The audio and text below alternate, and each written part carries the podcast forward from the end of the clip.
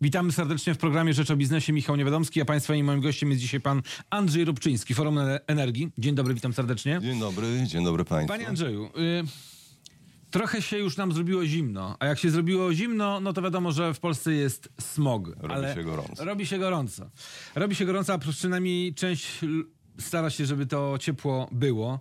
Y, Alternatywą, czy takim dobrym em, sposobem na walkę z smogiem jest to ciepło systemowe, z tych elektrociepłowni. No ale te elektrociepłownie no, w większości w Polsce spalają węgiel, a jak spalają węgiel, no to ani dla środowiska nie są dobre, ale z drugiej strony ponoszą coraz większe koszty emisji CO2, no bo wiadomo, że cena uprawnień e, jest na wysokim poziomie, w okolicach 25 teraz euro za tonę. Czy to oznacza, że te ciepłownie będą upadać, tak jak problemy ma choćby elektrociepłownia w Chełmie, która już chyba budynki są wystawione na, na, na sprzedaż?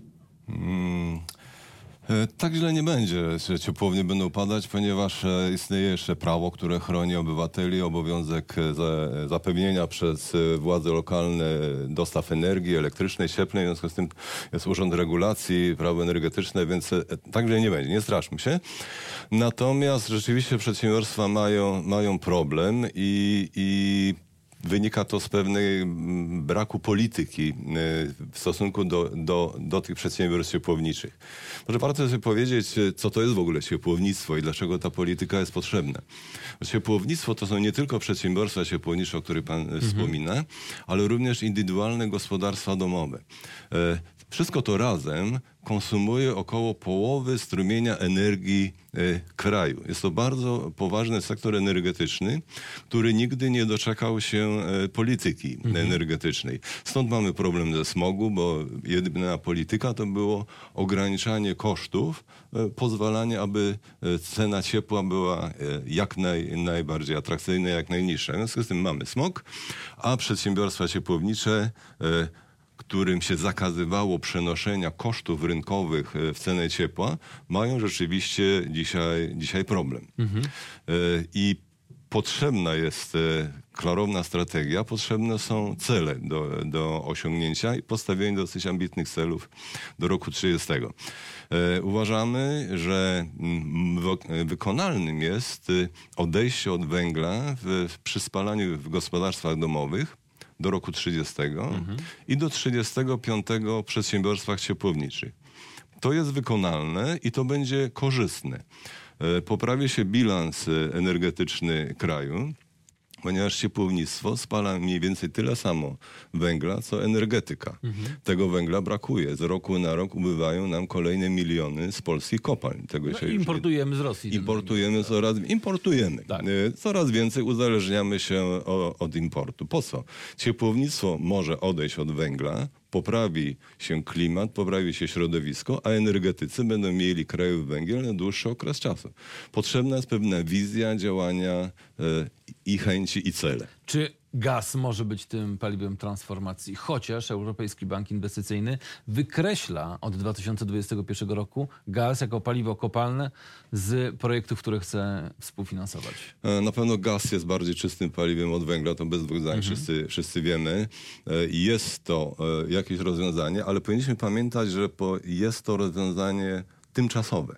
I tak powinniśmy kreować nasze inwestycje i naszą politykę, żeby nie za bardzo uwikłać się w poważne inwestycje gazowe, aby się nie okazało, że 15-20 lat, że mamy zrealizowane poważne bloki energetyczne, bo teraz dużo się tego mówi, również i w ciepłownictwie, na gaz, który, będzie, e, który będziemy w całości importować, bo dzisiaj 20% zużywanego gazu to jest krajowy.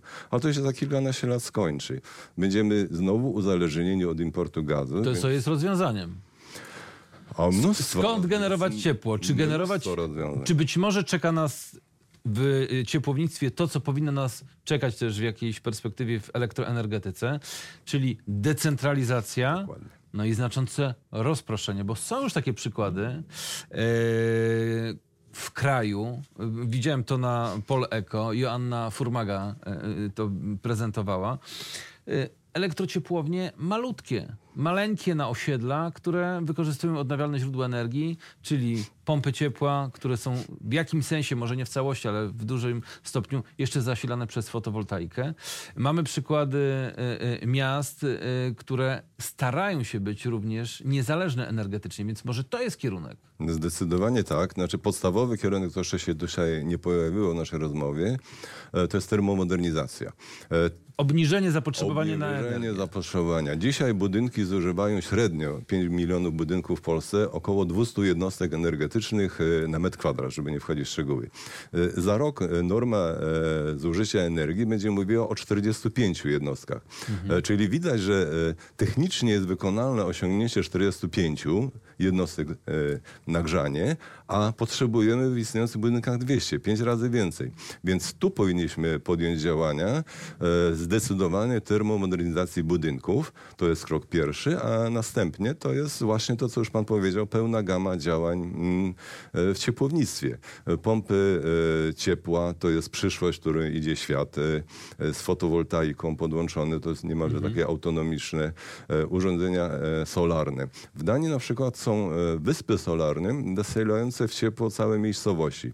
50% ciepła w ciągu roku pochodzi ze słońca w systemie ciepłowniczym. I to w Danii, która jest na północ od Polski, gdzie ma mniej, Niedaleko. gorsze warunki do oświetlenia Y, niż ciepło Hiszpania. Jest, ciepło jest akumulowane w wielkich zbiornikach, e, akumulatorach ciepła pod ziemią. Lato to się gromadzi, zimą odciąga, za pomocą pompy ciepła transferuje do miejscowości. Mhm. Reszta ciepła pochodzi na przykład z biomasy i z pompy ciepła. E, Są rozwiązania, Można dywersyfikować. tak jest. Zastanawiam się też, e, na ile ta strategia, nowa strategia, nowa polityka energetyczna, Pana zdaniem, no, będzie dotykać jednak kwestii ciepłownictwa, bo mówimy o programie Czyste Powietrze, o tym, że musimy wymieniać kotły, e, e, mówimy o tym, że trzeba termomodernizować, co jest oczywiście ważne, tylko te procedury muszą być po prostu też, e, muszą być ułatwione, żeby nie czekać trzy miesiące na decyzję, bo to jest stra- strata czasu i ludzie się zniechęcają. Ale zastanawiam się, czy te elementy, o których mówimy, tej strategii dotyczącej ciepłownictwa w jakikolwiek sposób są obecne w polityce energetycznej państwa 2040. Ostatni minister energii odchodzący, Krzysztof Tchórzewski, ostatniego dnia urzędowania, no jakby wypchnął z urzędu ten PEP, no ale w tym PEP-ie nie bardzo to ciepło widać. E, bardzo dobrze pan mówi. Ciepło jest, ale, ale go nie widać, tak mówiąc szczerze. Ciepło tradycyjnie, to ciepło systemowe jest taką dokładką do polityki energetycznej i tak tutaj zostaje. Pewne akcenty zostały e, wzmocnione. E, Obowiązek podłączania do sieci ciepłowniczej to jest coś, e, o co sektor walczył od dawna. Jeżeli sieć jest, no to należy się podłączyć, ale nie widać tego całego ciepłownictwa, o którym mówię, również tych budynków ogrzewanych indywidualnie. Nie ma w ogóle strategii do budynków. Nie ma żadnych celów, jakie powinny budynki właśnie energetyczne, jakie powinni spełnić. W związku z tym mm, Obawiam się, że wyjdziemy e, z tą polityką energetyczną e, z małymi konkretami, a to niedobrze, bo, bo mając dobry program dla ciepłownictwa, moglibyśmy w negocjacjach budżetowych w Unii Europejskiej e, wiele wygrać, bo ciepłownictwo staje się teraz, stoi wysoko na agendzie unijnej i gdybyśmy się dobrze przygotowali z ambitnymi celami, to moglibyśmy w negocjacjach budżetowych mieć e, lepszą pozycję. I na koniec. Ceny ciepła są regulowane przez Urząd Regulacji Energetyki, e, tak dla em, odbiorcy indywidualnego, jak i dla odbiorcy e, hurtowego, ale czy możemy się spodziewać, że ceny ciepła pójdą do góry? No bo mamy dwie składowe. Ceny uprawnień do emisji CO2 wysokie, a z drugiej strony e, no, ceny węgla też rosną i ten węgiel dla ciepłowni jest nawet droższy niż dla e, energetyki. Czy w związku z tym należy się spodziewać, że rachunki będą wyższe za ciepło za tę zimę? Mm, Jeżeli ropa na świecie rośnie, to na stacjach benzynowych płacimy więcej. E, URE e, jest takim buforem, ma to swoje wady i zalety, opóźniającym przeniesienie sygnałów e, rynkowych w cenę ciepła. E, Są problemy przedsiębiorstw ciepłowniczych, bo nadmierna ochrona e, klienta doprowadziła właśnie do, do tych, do tych e, problemów. Węgiel podrożał w, w ciągu mm, w 17 roku około 30%. To powinno się przenieść ceny ciepła na poziomie 15%. CO2, uprawnienia do emisji CO2 podrożały 500% na przestrzeni dwóch lat. To jest kolejne 15% podwyżki ceny. Na to na razie URE się nie zgadza, ale to rozłożone w czasie będzie i, i, i będzie. E, W związku z tym, aby się ochronić przed wzrostem ceny ciepła, ona jest nieuchronna, powinniśmy tego ciepła zużywać mniej. Czyli wracam tu do hasła przemyślanej termomodernizacji budynków, strategii dla budynków, której nie ma. No i jeszcze kwestia, o której dzisiaj nie wspomnieliśmy, ale o której też często podkreślamy. Straty. Akurat na cieple są duże też straty między wytwórcą a odbiorcą. Straty również między dużą elektrownią a odbiorcami gdzieś daleko w Polsce. Te straty też są, dlatego e, trzy razy D, czyli decentralizacja, dekarbonizacja e, jest tutaj e, szalenie e, ważna. Ta decentralizacja jest e, istotna. Andrzej Rubczyński, Forum Energii. Bardzo dziękuję za wizytę w studiu. Dziękuję bardzo, bardzo. dziękuję za rozmowę i to wszystko dzisiaj w programie Rzecz o Biznesie. Dziękuję. O godzinie 12 prosto z parkietu, o 13 Rzecz o Prawie. Michał Niewiadomski. Dziękuję i do zobaczenia.